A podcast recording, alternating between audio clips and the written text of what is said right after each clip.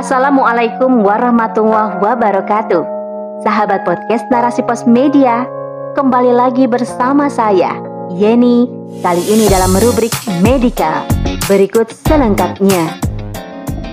Epidemiologi sepsis penyumbang tingginya angka mortalitas oleh Nur Jamilah, SPDI. Apakah Anda pernah mendengar sepsis? Jelas ini bukanlah jenis makanan apalagi barang branded. Sepsis merupakan salah satu jenis penyakit yang cukup berbahaya. Namun demikian, penyakit ini kurang begitu familiar di kalangan masyarakat. Sebagian orang menyebut sepsis sebagai keracunan darah. Sepsis bisa diartikan sebagai respon mematikan dari sistem imun tubuh manusia terhadap infeksi atau cedera. Penyakit ini bisa menyerang siapa pun, khususnya bagi orang yang memiliki daya tahan tubuh lemah. Anak kecil, khususnya bayi baru lahir dan bayi prematur sangat rentan terpapar penyakit ini. Bukan hanya itu, lansia dan orang yang alami cedera serius atau penyakit berat seperti diabetes, AIDS, kanker, liver, dan lainnya, pasien RS yang mendapat perawatan intensif dalam jangka waktu lama, pengguna alat medis seperti kateter intravena atau tabung pernafasan yang terlalu lama dan jarang diganti, serta pengguna antibiotik atau kortikosteroid. Angka kematian sepsis pada bayi newborn di Indonesia terbilang cukup tinggi, yakni 12 hingga 50 persen dari total angka kematian bayi. Sedangkan angka mortalitas sepsis cukup tinggi, yakni lebih dari 50 persen. Setidaknya 20 persen kematian pasien di rumah sakit setiap tahunnya dialami oleh penderita sepsis. Diperkirakan 11 juta orang meninggal setiap tahunnya. Diawali dengan keracunan darah ini. Kasus ini sebagian besar dialami negara-negara miskin dan berkembang. Namun negara-negara maju pun tak luput dari paparannya. Sepsis dipicu oleh infeksi yang disebabkan mikroba apa pun. Namun ada beberapa infeksi yang berisiko tinggi menimbulkan sepsis, yakni infeksi aliran darah, ginjal, abdominal, dan pneumonia atau radang paru-paru. Adapun gejala sepsis sebagai berikut. Demam di atas 38 derajat Celcius atau menggigil karena suhu tubuh di bawah 36 derajat Celcius. Detak jantung melebihi 90 detak per menit. Laju pernapasan lebih dari 20 napas per menit dan infeksi. Jika kondisinya sudah parah, maka akan menunjukkan gejala berikut.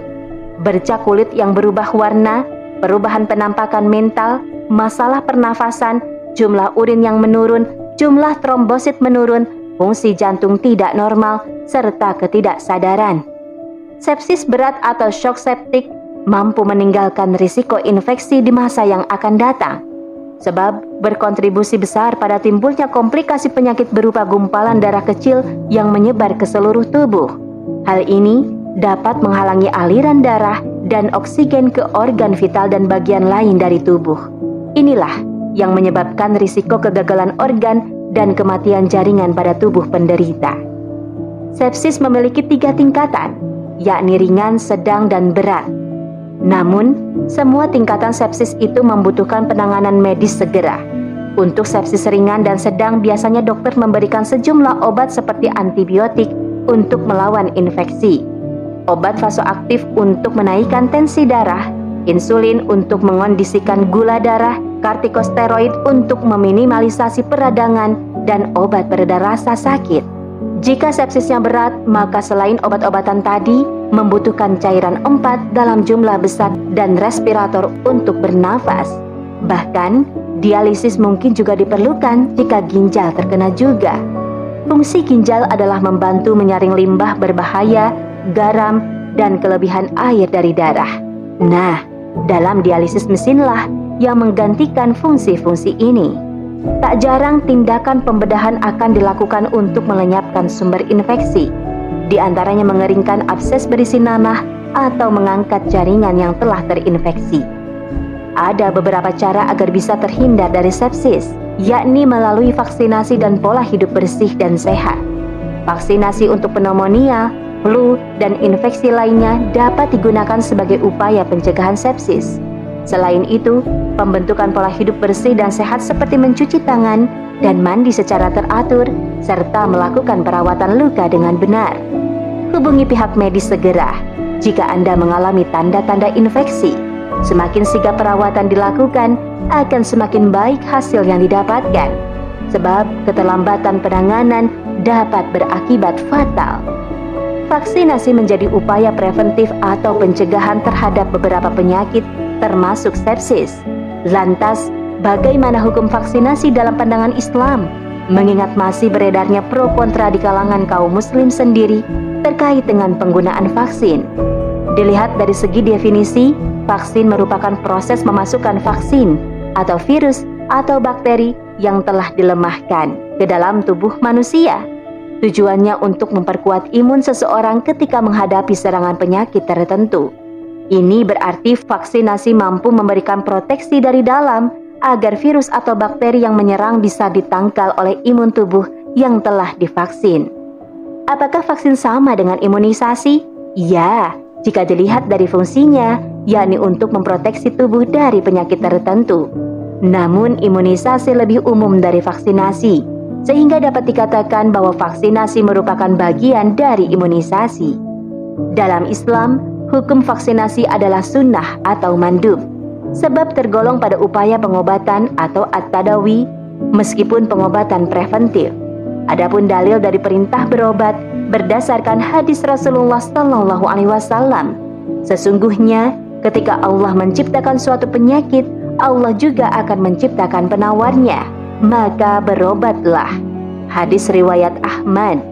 Hadis Ibnu Abbas radhiyallahu anhu ia berkata, seorang wanita berkulit hitam pernah menemui Nabi Shallallahu alaihi wasallam dan berkata, Sesungguhnya aku menderita epilepsi dan kerap kali auratku tersingkap. Apabila sakit itu menyerang, maka berdoalah kepada Allah untukku. Nabi Shallallahu Alaihi Wasallam bersabda, jika kamu mau bersabarlah maka bagimu surga. Dan jika kamu mau, maka aku akan berdoa kepada Allah agar Allah menyembuhkanmu. Wanita itu berkata, "Baiklah, aku akan bersabar. Namun, berdoalah kepada Allah agar auratku tidak tersingkap."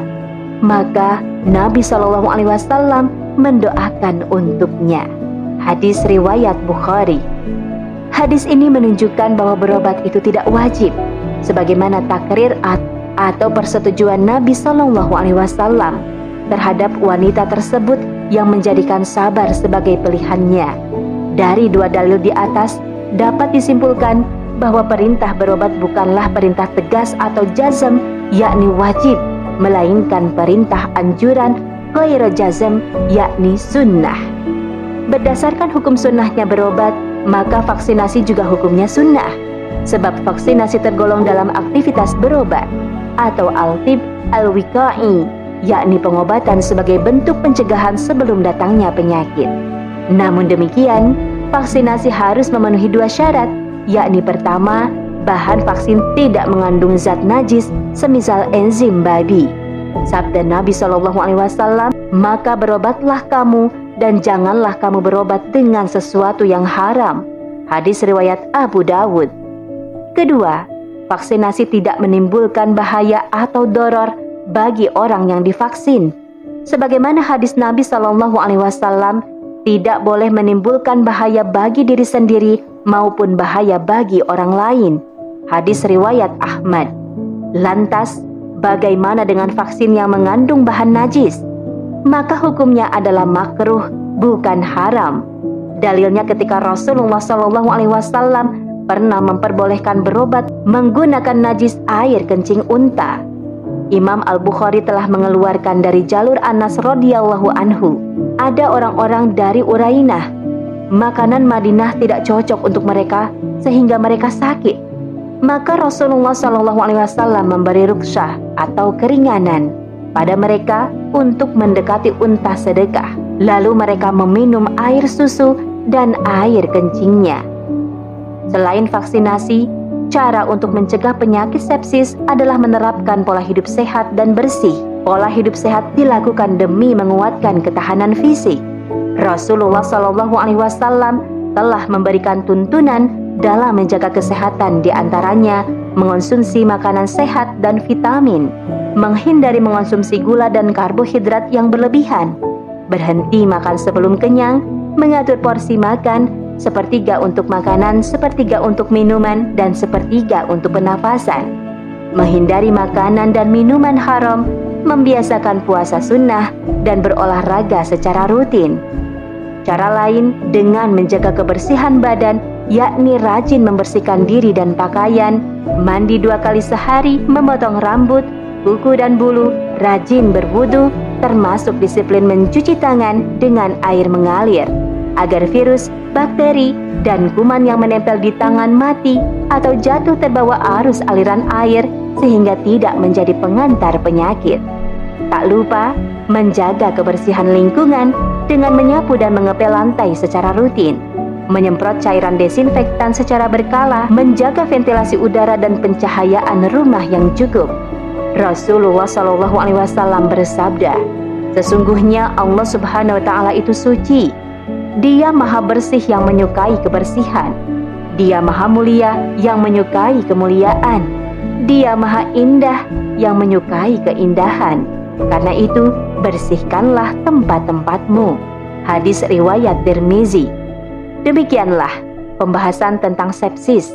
Berbahaya namun belum banyak dikenal masyarakat. Mengingat dahsyatnya serangan penyakit ini, sedikit keterlambatan dalam penanganan bisa berakibat fatal.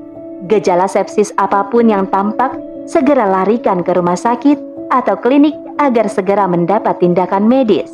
Namun, jangan berkecil hati karena setiap penyakit ada obatnya. Ingatlah, segala tuntunan kehidupan termasuk pola hidup sehat dan bersih yang dicontohkan Rasulullah Shallallahu Alaihi Wasallam terbukti ampuh mencegah datang penyakit. Jika kita mau mengamalkannya, jangan lelah untuk terus berikhtiar dan melangitkan doa-doa kita. Semoga uraian ini bisa membuka cakrawala kita tentang dunia medis dan semakin bijak dalam bertindak.